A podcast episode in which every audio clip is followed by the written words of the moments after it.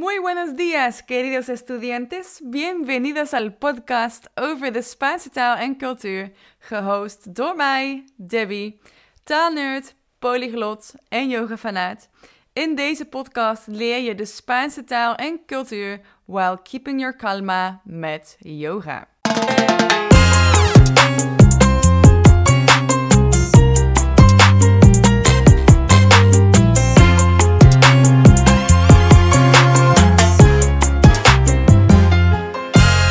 Hola! Leuk dat je weer luistert. Ik heb heel veel zin in deze aflevering. Het is namelijk een iets andere aflevering dan dat je van mij gewend bent. Deze keer ben ik namelijk niet degene die interviewt, maar ik word geïnterviewd. En wel door Lopke Bijman.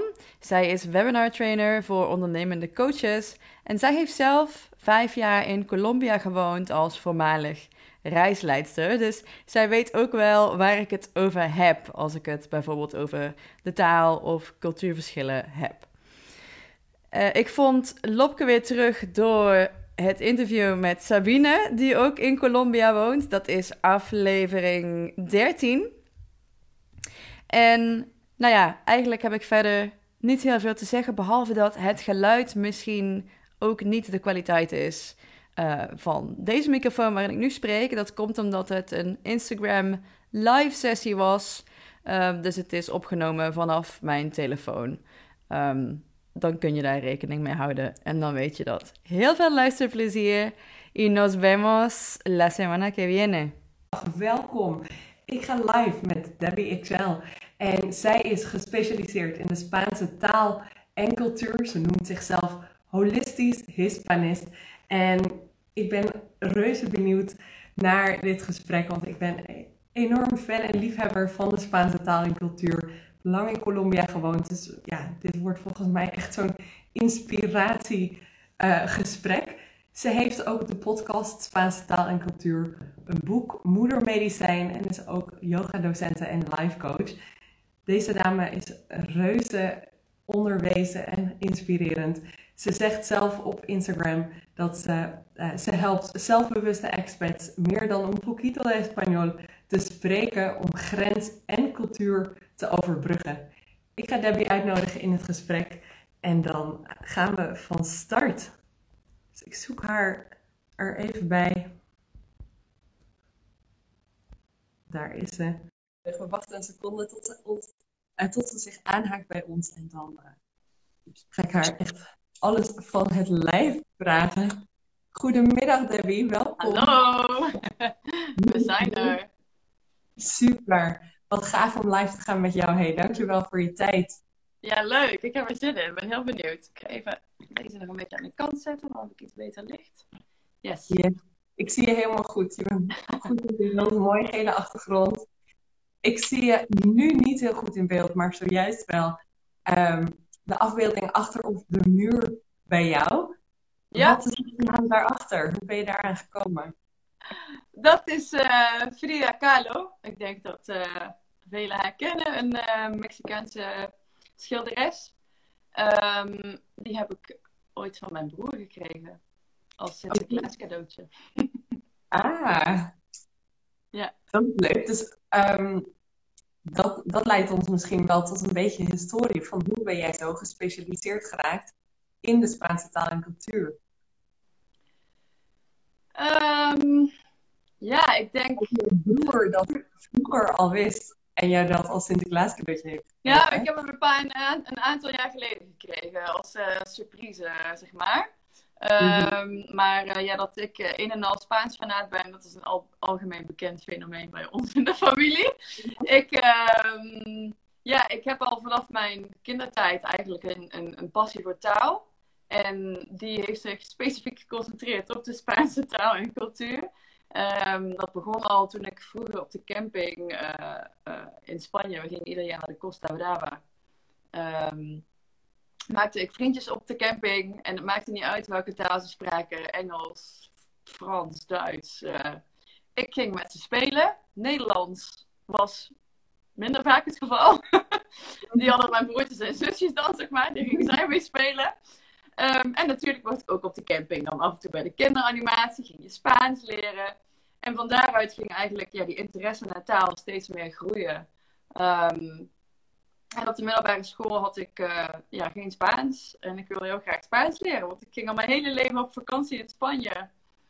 Maar ja, ik sprak Frans, ik sprak Duits, ik sprak Engels, maar geen Spaans. Dus toen ben ik um, een jaar naar Barcelona gegaan. Toen ik 18 was, meteen naar de HAVO. En uh, in een gastgezin gewoond. Een hele ja, unieke ervaring. Um, ik vond het wel heel spannend toen. Ik ben echt uh, ik ben een heel klein, uh, klein Brabants dorpsmeisje. Voelde me echt een beetje zo'n grijze muis. En ja, dan kom je in een wereldstad. Dat was, dat was wel apart.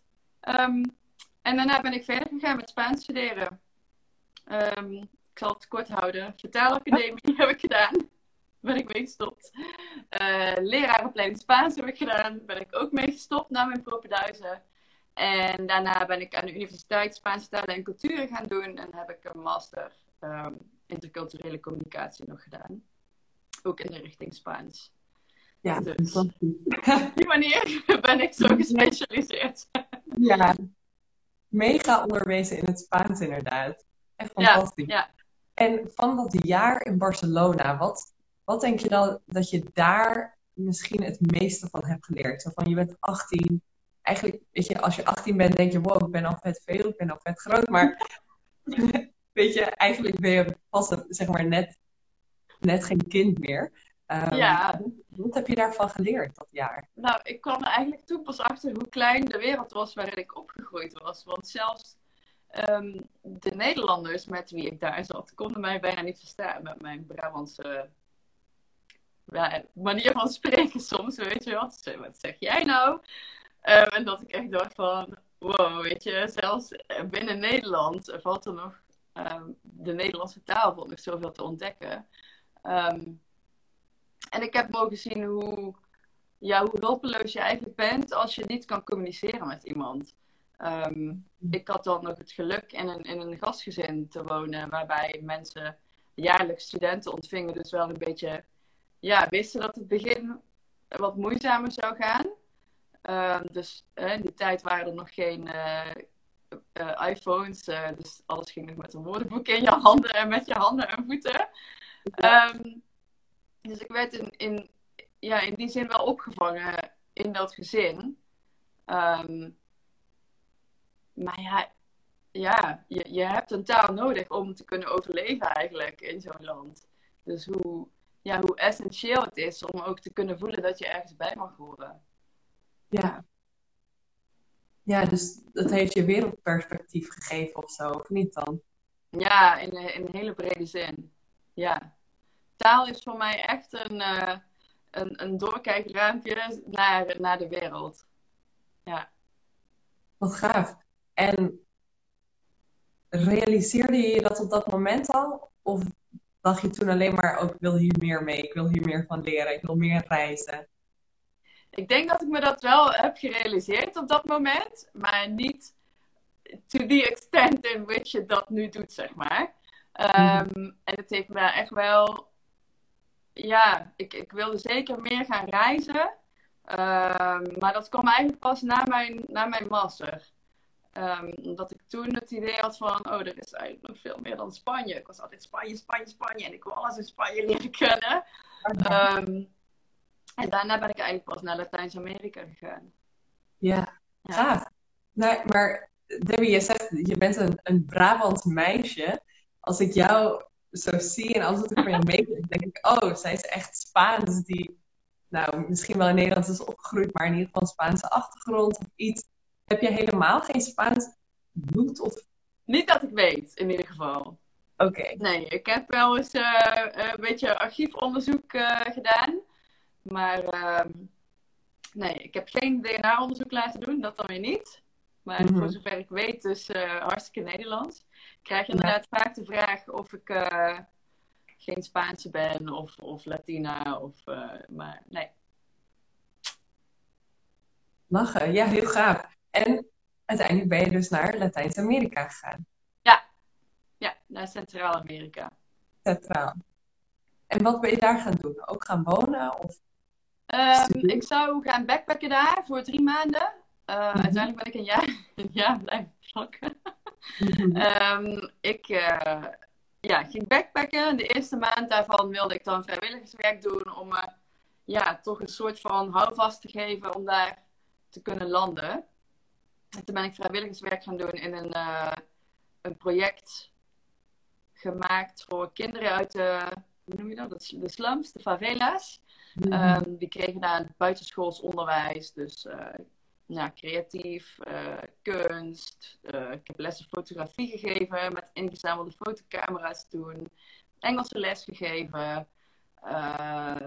sport, nou ja, noem maar op. Allerlei leuke dingen die je voor kinderen maar kunt bedenken. Mm-hmm. En ook daar waren heel veel Nederlanders en andere Europeanen en, en Amerikanen in dat project. Dus dat was een hele leuke groep. En van daaruit ben ik uh, ja, in Managua, in de hoofdstad van Nicaragua, gaan wonen. Um, werk gaan zoeken. En zo heb ik eigenlijk het een jaar lang volgehouden met her en der een baantje en dan weer wat reizen. En uh, ja, heel tof. Heel gaaf. Wat heb je dan toen in dat jaar in de hoofdstad van Nicaragua gedaan voor werk? Komt er dan op je pad? Allerlei.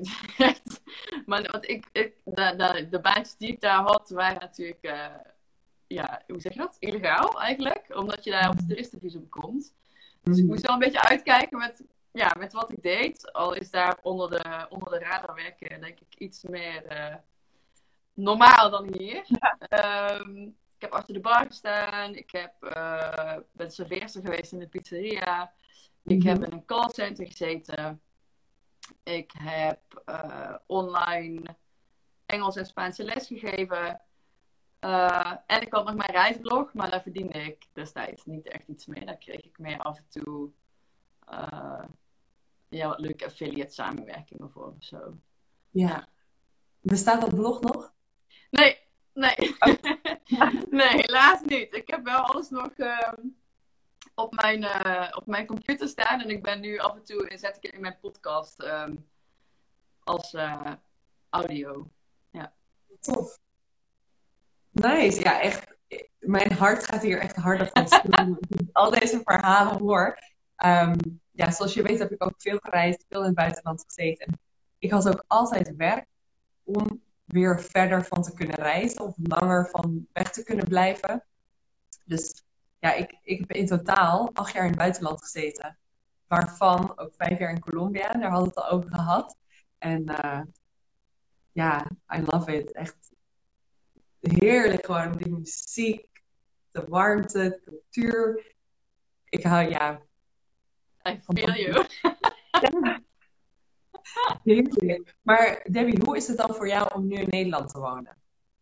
Nou ja, zoals je ziet uh, is mijn huis best wel een beetje, een beetje mhm. kleurrijk, een beetje Latin. Ja. Ik probeer het er hier wel een beetje in te houden. Um, maar ik, ik denk, en misschien herken je dat wel als je in het buitenland gewoond hebt, als je eenmaal um, zover je, je voeten in de aarde ergens anders hebt gevoed, um, kom je daar ook niet zomaar meer uit. Dan blijf je altijd met, met één been in Nederland en met het andere been wherever that may be. Um, en dat heeft zijn voor- en zijn nadelen. Ja, ik, ik had destijds miste ik Nederland heel erg om de gestructureerdheid. Je kunt uh, ervan op aangaan, uh, op wat mensen zeggen. Um, je, hebt, je hebt meer structuur in je dag, je krijgt veel gedaan in een dag. En daar is het leven gewoon ja, wat gemoedelijker, wat langzamer. Het maakt niet uit, het is vandaag niet lukt, dus morgen weer een dag. Um, ja, en ook, weet je wel, je, hier heb je um, digitale borden die aftellen op welke minuut de bus komt. En daar, je gaat maar staan. En ja, kijk maar wanneer die bus komt. En er is ook geen uh, route of zo. Je moet gewoon weten welke bus je moet hebben. En als die vol is, vol. Dan moet je maar weer wachten tot de volgende komt. Vreselijk. Ja. Ja. Zoveel verschillen. Het is echt uh, niet... Ja. ja, wereld van verschil.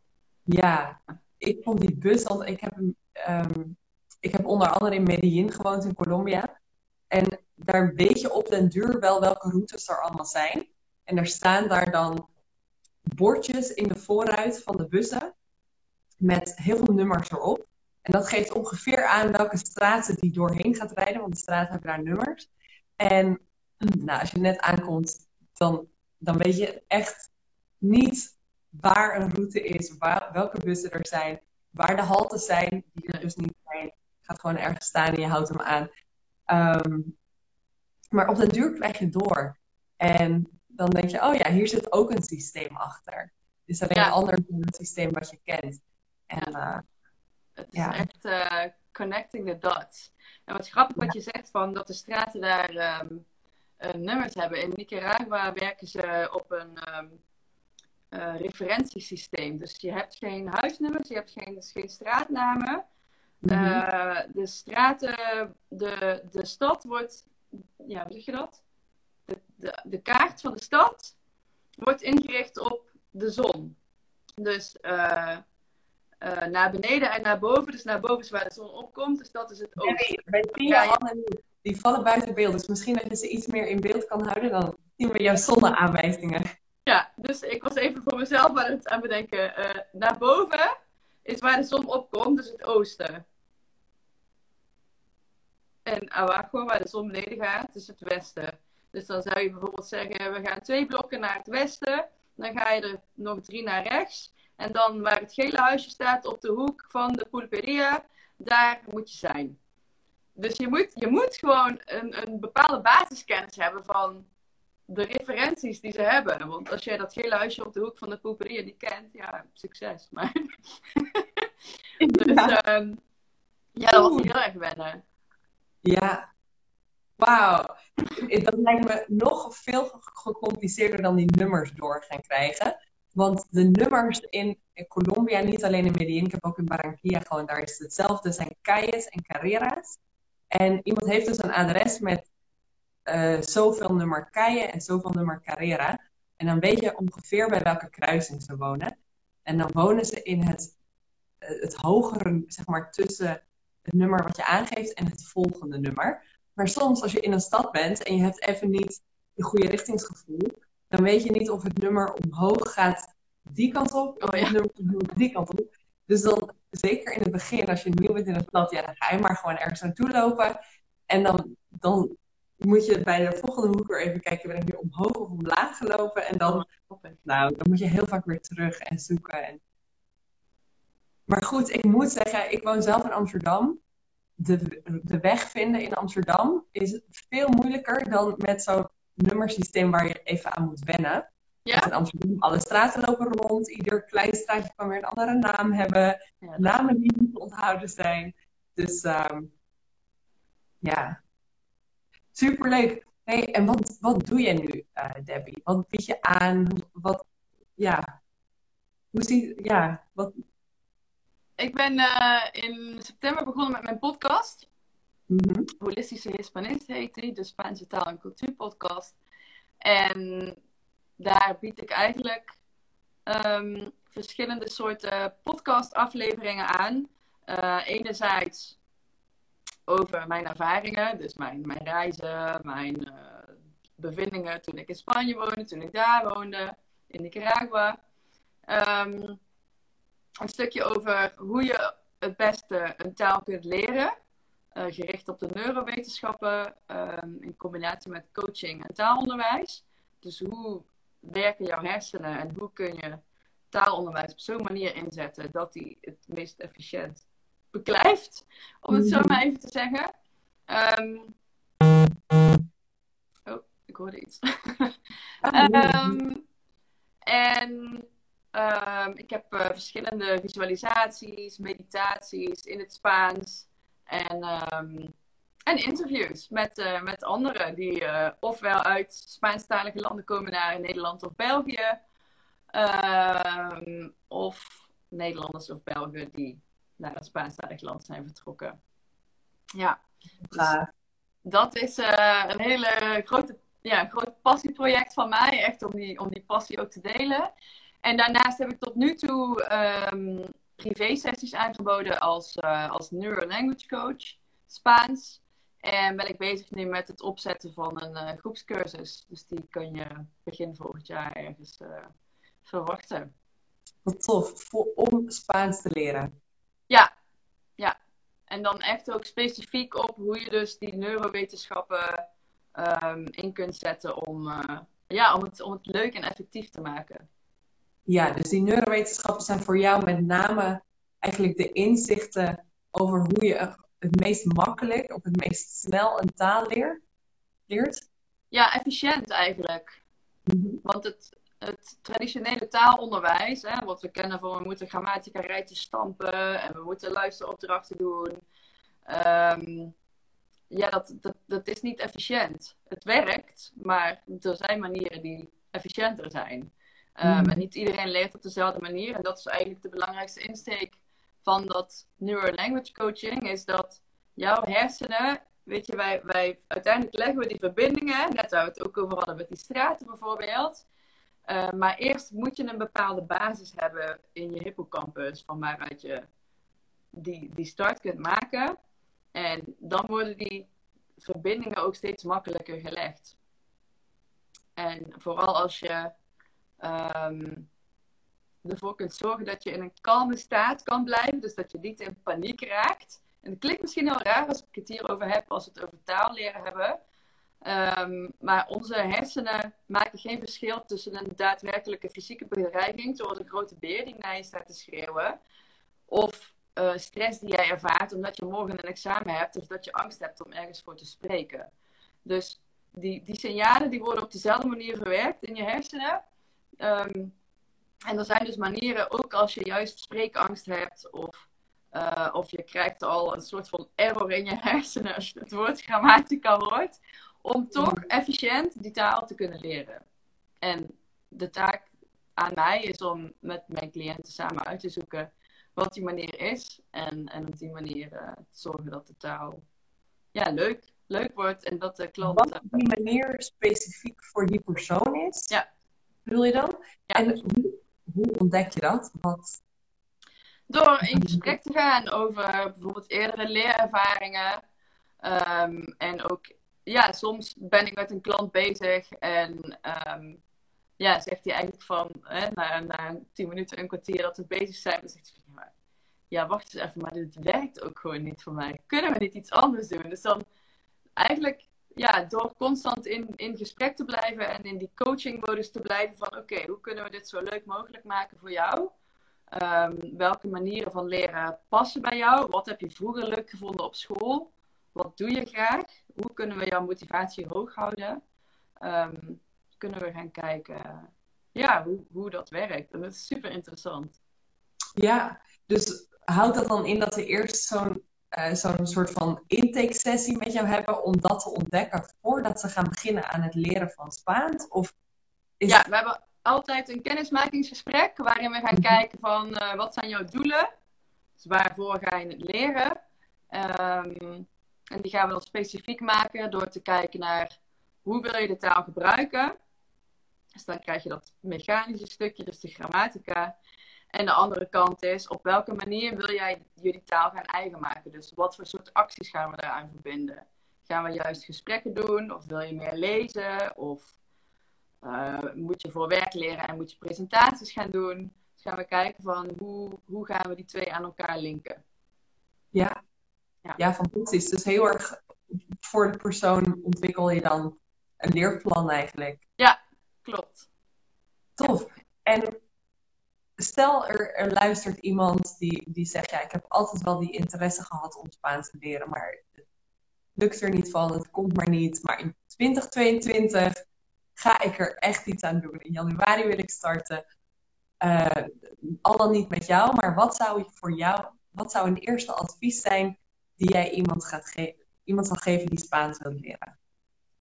Het eerste advies wat ik iemand zou geven die Spaans wil gaan leren. Ehm, hou het simpel.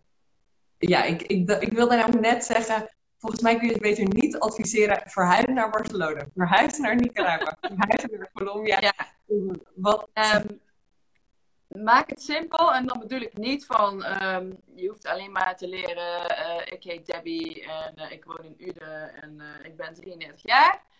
Ehm, ik bedoel daarmee, als je het in kleine stukjes ophakt, dan wordt het ook behapbaar voor jouw hersenen.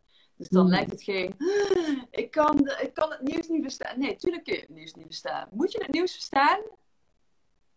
Ehm, dus kijk goed naar wat heb ik nodig, wat is daarin reëel en welke, wat is de eerste stap die ik daar naartoe kan zetten. En focus je daarop. En doe dat op een manier die voor jou leuk is. Ja. Ja. Wauw. En wat, wat qua.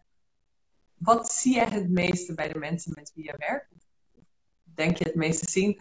Is dat dat ze het liefst uh, in gesprek gaan? Of wat zijn de misschien de meest voorkomende leerdoelen of leermethoden die het beste werken? De meest voorkomende doelstelling is: ik wil me gewoon verstaanbaar kunnen maken op straat in dagelijkse situaties. Oké. Ehm, dat klinkt als best wel een haalbaar doel. Ja. Ja, en dat kunnen we opdelen in kleine stukjes. Dus uh, de bakken, de tractie, uh, de, hoe, heet dat? De wegvragen. ja. Uh, dat soort dingetjes. Dus die kunnen we in situaties ophakken en, en daarmee um, aan de slag gaan. En um, een stukje waar velen mee zitten is toch de uitspraak. En, um, ja, en echt in gesprek willen gaan. Ja, om dat te oefenen. Ja, en dat, dat kunnen ze met jou doen dan? Ook leren in gesprek gaan? Ja, als dat, uh, als dat is wat wij als actie uh, opstellen om, uh, om de taal eigen te maken, dan, dan doen we dat zeker. Ja, er zijn ook mensen die liever in, in quizvorm leren of die flashcards willen. Of, ja, er zijn zoveel manieren mogelijk eigenlijk. Ik heb ook een mhm. klant nu die wil um, um, customized meditaties in het Spaans. Om ook te oefenen met het onderbewuste uh, Spaans te laten horen. Mm -hmm. Dus uh, ja, het is eigenlijk ja, het is oneindig. Wauw, en dan ja. ga je een meditatie maken in het Spaans. Ja, ja, ja. ja. En zou jij jouw Spaans um, Spaans, Spaans noemen? Of uh, Centraal-Amerikaans Spaans? Of in welke range zit jouw Spaans? Ligt eraan, um, ja, bedoel je mijn Spaans of het Spaans wat ik leer aan iemand? ja, ik, ik zou denken dat het hetzelfde is, maar. Nee, ik, uh, ik, ik, ik richt me wel op de taal um, die iemand leren moet. Want als iemand in, in Spanje woont, ga ik geen. Uh, ja, ga ik iemand niet leren dat zij in het meervoud usted is. Is. Dan spreken ze bijvoorbeeld met vosotros, met jullie. Ja. Um, maar mijn Spaans is best wel Centraal-Amerikaans. Inmiddels. Ik, ik sprak eerst uh, echt het Spaans uit Spanje toen ik daar, uh, ja, eigenlijk tot ik naar Nicaragua kwam. En daarna, uh, ja, heel, heel Nicaraguaans nu. Ja. ja, ja, geweldig. Ik heb het geleerd in Barranquilla, dat is in Colombia aan de Caribische kust. Heb ik 2,5 jaar gewoond. En dat is Caribisch Spaans. Dus dat is een beetje zoals Venezolaans. Ook wel zoals, denk ik, op de Dominicaanse Republiek wordt gesproken. Maar daarna ben ik verhuisd naar Medellin. Dat is in het binnenland van Colombia. Waar ze echt wel een ander Spaans hebben. Nou ja, als je net begint, dan hoor je dat verschil echt niet. Maar toen ik dus in Medellin aankwam, toen dachten ze altijd van, hm, waar komt zij vandaan? Um, en uiteindelijk heb ik dat ook nooit heel erg opgepikt. Ik ben wel bij dat Caribische accent, denk ik, gebleven. maar goed, nu ook wel weer lang geleden, dus ja, wat er nog van over is, weet ik niet. Maar ja, ik hou er wel van als, uh, als mensen een, uh, een accentje hebben. En heel veel mensen willen ook accentloos leren spreken. Maar ja, ik, ik zeg dan altijd maar van, weet je, tenzij, wanneer, wanneer zou je het nodig hebben om accentloos een taal te... Kijk, zelfs ik heb een accent in het Nederlands. Um, het is toch juist mooi als je kan horen dat iemand ja, zich een taal eigen maakt zonder dat hij daarbij perfectionistisch eigenlijk zichzelf blokkeert. Terwijl als je uit het communiceren. Ja, maar het is wel toch ook wel tof als je ergens woont en dat, dat je dan gewoon spreekt als de mensen die daar ook wonen. Ja, maar ik denk dat dat ook iets is wat wel met de tijd komt. Dat dat, dat denk ik is wat je in het begin. Dat pik je ja. op, inderdaad. Ja, Hoewel niet altijd. Soms dan heb je daar wel echt even een spraakcoach of een docent voor nodig. Om je ook echt die klanken goed aan te leren. Ja. Klopt. Ja, ik, heb, uh, ik kan misschien wel even delen hoe ik Spaans heb geleerd. Vertel, um, ja, ben benieuwd. Ik heb uh, toerisme gedaan, dus ik had daar op school uh, Spaans, maar dat was inderdaad puur die harde theorie. Woorden stampen, vervoegingen stampen en ik vergat alles direct. Um, ik had zeker geen talenknoebel. Ik had ook altijd bijles voor Engels nodig. En uh, uiteindelijk ben ik ja, in Colombia beland. Daarvoor was ik op reis in Argentinië. Heb ik een maand een Spaanse cursus gedaan. Nou, toen dacht ik, oh yes, ik heb de basics. En toen weet ik dat ik aankwam in Colombia en dat ik niet eens de route kon begrijpen die de taxichauffeur, zeg maar, ik kon niks meer. Want het klonk allemaal zo anders. Ik moest weer echt vanaf nul beginnen. En uh, ja, ik ben gaan werken in het onderwijs als Engels docent. En iedereen sprak alleen maar Spaans. Dus ik moest wel. Ja. Ik had een notitieboek. En iedere keer als ik dacht een woord te horen, dan schreef ik hem op. Want anders dan is het gewoon allemaal één lang Spaans woord. En dan kun je de woorden niet in onderscheiden. En dan iedere avond had ik mijn notities van die dag en dan ging ik ze opzoeken. En opschrijven de vertaling en opzoeken en opschrijven de vertaling. En soms dan dacht ik, oh ja, had ik gisteren ook. Sommige woorden kon ik dan niet vinden, want dan had ik iets heel geks opgeschreven wat geen woord bleek te zijn. Um, ja, en zo ben ik stukje bij beetje Spaans gaan leren, wat dus in het onderwijs wordt gebruikt. En ik weet ook dat ik toen um, ja, één woord zei. En ik dacht dat dat gewoon in Colombia de manier was om meneer of mevrouw te zeggen. Wat was het ook weer? Oh ja, ik ben benieuwd of jij deze kent. Senor. Dus je zegt dan niet senor of senora, maar dan zeg je senor. Nee. En dat blijkt dus dat in Colombia, of in ieder geval in Barranquilla, dat dat een manier is om als student beleefd soort van tegen je docent te praten. en ik dacht, oh, dat zeggen ze hier. Dus ik zei overal, als ik in de winkel was, ah, gracias, senor. Um, totdat een, een uh, collega van mij zei, van, die wel heel goed Spaans sprak, zei van, oh ja, maar weet je dat dat eigenlijk... Toen dacht ik echt, oh, een mega error. Dat je tegen iedereen, oh bedankt docent, bedankt docent. Ja, maar doordat je dat dus zei, heb je het nu wel geleerd. Ja, en ik kan nog wel een blunder delen. Uh, ik had dus een Colombiaanse vriend. En in Nederland ben ik wel gewend om, om mijn ouders en andere ouders gewoon bij hun voornaam te noemen. En toen ging ik zijn moeder ontmoeten. En ik had, hem, ik had die moeder gewoon Marlene genoemd. Um, toen vertelde hij me later van, oh, maar weet je, Lopke, dat dat eigenlijk wel heel onbeleefd is. Je zou haar Senora Marlene moeten noemen. En toen dacht ik, oeh, dat wist ik helemaal niet. Dus ja, door te doen leer je dat soort dingen. Maar ook door experts om je heen te hebben. En ik woonde daar dan, dus ik had dat, maar ja. Door schade en schande eigenlijk. ja, en, maar ik denk dat, en dat vind ik het leuke aan taal. Taal is nooit alleen maar taal, het is dus ook cultuur. Want een beleefdheidsvorm zouden wij niet per se gebruiken. Nee, je zou niet van mijn moeder heet Annemiek. Ik zou haar nooit mevrouw Annemiek noemen, nee. Nee. Ik verwacht dat iemand haar zo noemt, ja. Ja. Ja, het is heel interessant. Dat vind ik ook. nice. Hey, wat zijn voor jou uh, blokkades geweest die jij hebt tegengekomen? Want we, we, hebben het gehad over hoe jij bent begonnen met het leren van Spaans. Dat je naar Barcelona bent gegaan, dat je allerlei studies hebt gevolgd tot en met een master. Uh, dat je naar Centraal-Amerika bent geweest. Als je terugkijkt op al die tijd en vanaf Nicaragua tot aan nu, wat zijn eigenlijk de grootste blokkades die jij bent overkomen? Niet zozeer op Spaans alleen, ja. uh, op Spaans gebied alleen, maar in jouw leven, om, um, die je ook weer overkomen bent. Hoe ben je daar doorheen gekomen? Um, Oeh, vind ik wel een moeilijke vraag. De blokkades die ik overkomen ben. Ik denk toch een stukje angst doorbreken. Um, bijvoorbeeld toen ik een paar jaar terug naar Mexico ging met mijn dochtertje van anderhalf.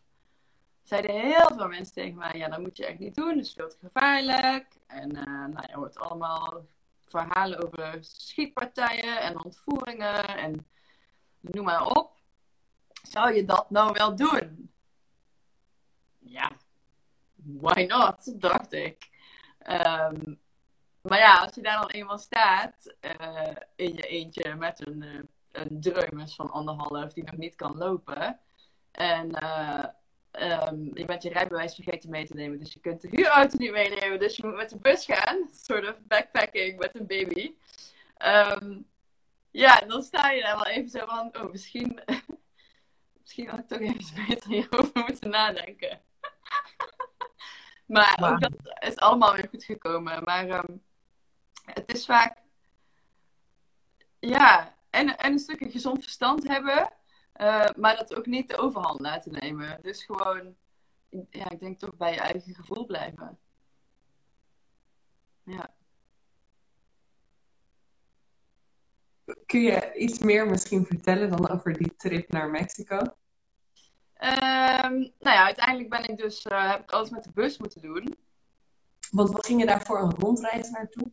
Ik ging een, ja, een, rondreis. Ik had dan een aantal verblijven voor een aantal dagen geboekt.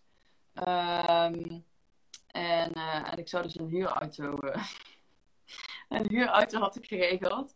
Uh, maar die mocht ik niet meenemen, want ik was mijn rijbewijs vergeten. Heel slim. En um, toen heb ik. De eerste busreis was geloof ik 7 uur. Um, ja, en ik vond dan dingen als bijvoorbeeld s'avonds een taxi pakken van het busstation naar het hotel. Vond ik best wel eng om in mijn eentje. Weet je, ik, vond het in Nicaragua al spannend, want je, je, wist vanuit of je zo'n taxichauffeur kon vertrouwen. Heel veel verhalen gehoord van, van meiden die geld afgetroggeld zijn of, of aangevallen of nou ja, noem maar op. Verhalen die je liever niet hoort. Um, maar ja, dan stap je met je kind in. Wat gewoon je hele ziel en zaligheid is. Dus hè, met je hart in je keel. Maar uiteindelijk, ja, er, er is niks gebeurd. Maar het, ja, dat zijn ook dingen die je niet kan voorspellen. Maar ja, ik ga liever dan, denk ik, toch een taxi in dan op straat in je eentje rondlopen. Dus als blanke vrouw, uh, daar heb ik zelf minder goede ervaring mee in Latijns-Amerika. Dus ja, het is een, een, continue afweging van wat is de juiste keuze op nu, op dit moment, uh, in deze context. Um, uiteindelijk is mijn dochter daar uh, ziek geworden, dus zijn er heel veel dingen niet door kunnen gaan. Um, maar ja, heb ik weer hele leuke stranddagen gehad eigenlijk. Gewoon rustig aan. En ja, gewoon, ik, ik denk dat dat de les is. Go with the flow en pas je aan. En um, ja, toch ook het vertrouwen blijven hebben in mensen. Want ook al is het ergens anders. Weet je, die mensen die hebben daar ook hun leven. En, en dat stond mij zo tegen van dat mensen steeds tegen mij zeiden van zou je dat nou wel doen? Dat ik denk van ja, maar weet je, daar worden ook kinderen geboren. En daar worden ook kinderen warm onthaald met open armen. En waarom zou ik niet gaan? Omdat mijn dochter het nou nog niet meekrijgt. Dus, ja. Ja, bijzonder. Ja, gaaf, gaaf verhaal. Dus jij laat je daarin, je zegt oké, een stukje gezond verstand is belangrijk. Je goed voorbereiden, de, zeg maar nadenken over wat doe je waar en wat zijn eventuele risico's, maar ze wel gewoon doen. Ja. Ja, ik ben wel heel blij dat ik, dat, uh, dat ik die ervaring heb. Ja. Ja, en weet je, als sta je daar dan ineens in het buitenland, there is no way back. Zo van, je kunt heel veel dingen bedenken in Nederland en lekker veilig vanaf die computer. En dan inderdaad in die angst blijven en het klein houden of niet volledig doen, maar als je daar aan de andere kant van de wereld. Ja. Ja, daar ben ik altijd wel een, een voorstander van geweest. En uh, ik, ik, ja, reizen is voor mij zo'n um, zo'n belangrijk onderdeel geworden. Dat ik ook, weet je, ik, ja, ik, ik wil dan gewoon met mijn dochter, ik, ik, ik wil iets als belemmering zien. Dus uh, ja, ik vind dat juist tof. Moet jij je, je dochter alleen op? Ja. Ja. Oké. Okay. Klopt. Spaanstalig ook? Nee, dat helaas niet. Ik heb in het begin wel over nagedacht. Um, maar ja, toen was ze echt nog zo klein. En dan had ik uh, bedacht van, dan doe ik uh, s ochtends met het uh, ontbijtje. En s'avonds als ik haar in bad doe, even allebei een kwartiertje Spaans spreken tegen haar. Maar het blijkt in de praktijk heel, ja, gewoon niet handig. Als je kindje weet dat jij Nederlands spreekt, dus de taal die ze, die ze verstaat. En dan Mhm. ineens een andere taal gaat spreken, want ze praat gewoon in het Nederlands tegen je terug, want je weet, ze weet dat je dat verstaat. Dus Ja. je hebt zo de one parent, one language approach, die is heel effectief. Ehm, maar in mijn eentje vond ik het toch, eh, ik heb het uiteindelijk, ja, heb ik het niet doorgezet. Maar ze zit nu wel op, eh, op les. Dus eh, ja, En hoe oud is ze nu? ze is vijf. Oh ja. Ja. Heel gaaf. Heb je nog meer reizen met haar gemaakt na die in Mexico? Eh, ja, we zijn een aantal keren in eh, Spanje geweest. Verschillende plaatsen. Ja, Andalusië zijn we twee maanden geweest toen ze twee was, denk ik, of drie. Ik weet het al niet meer. Ehm, en Tenerife en La Palma zijn we een aantal keer geweest. Ja. Ja.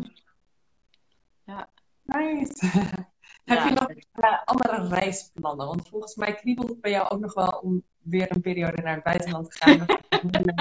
Ja, het kriebelt heel erg, moet ik zeggen.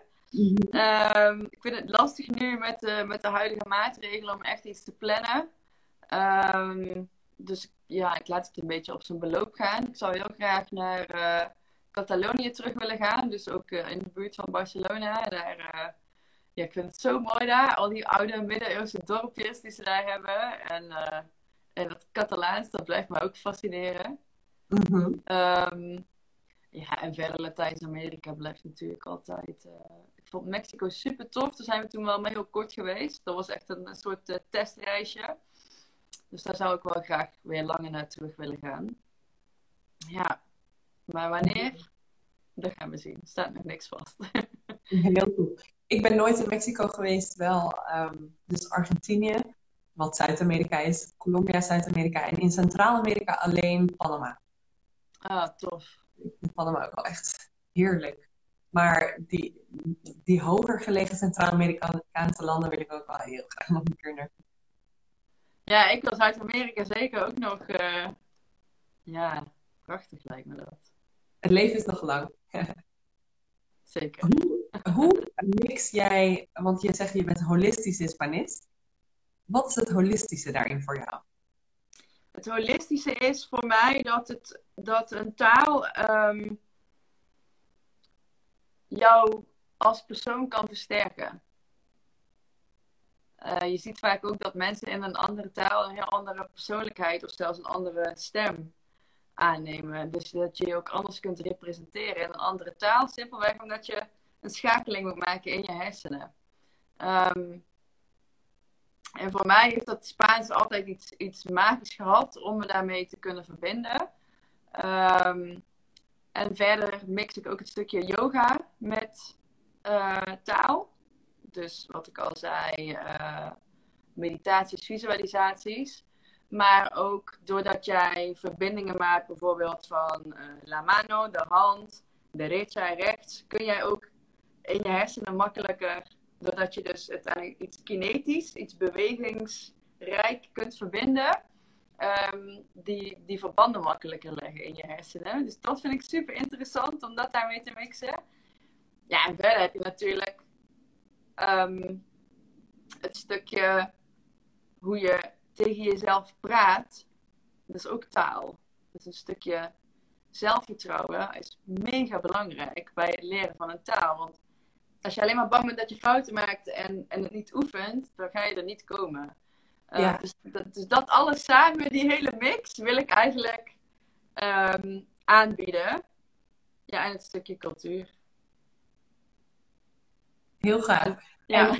En hoe zie je daar jouw achtergrond als yogadocent en life coach eh, een rol spelen? Speelt dat daar ook voor jou een rol in? Of Ehm, ik denk deels wel. Kijk, als mensen bijvoorbeeld echt moeite hebben met eh, integreren in de, in de nieuwe cultuur, ja, dan ga ik daar met je naar kijken. En dan ga ik kijken of ik ehm, door middel van bepaalde oefeningen met jou je kan laten inzien op waarom mensen op een bepaalde manier handelen in die cultuur. En wat jouw aandeel daarin is. En of jij daar anders in kunt gaan staan.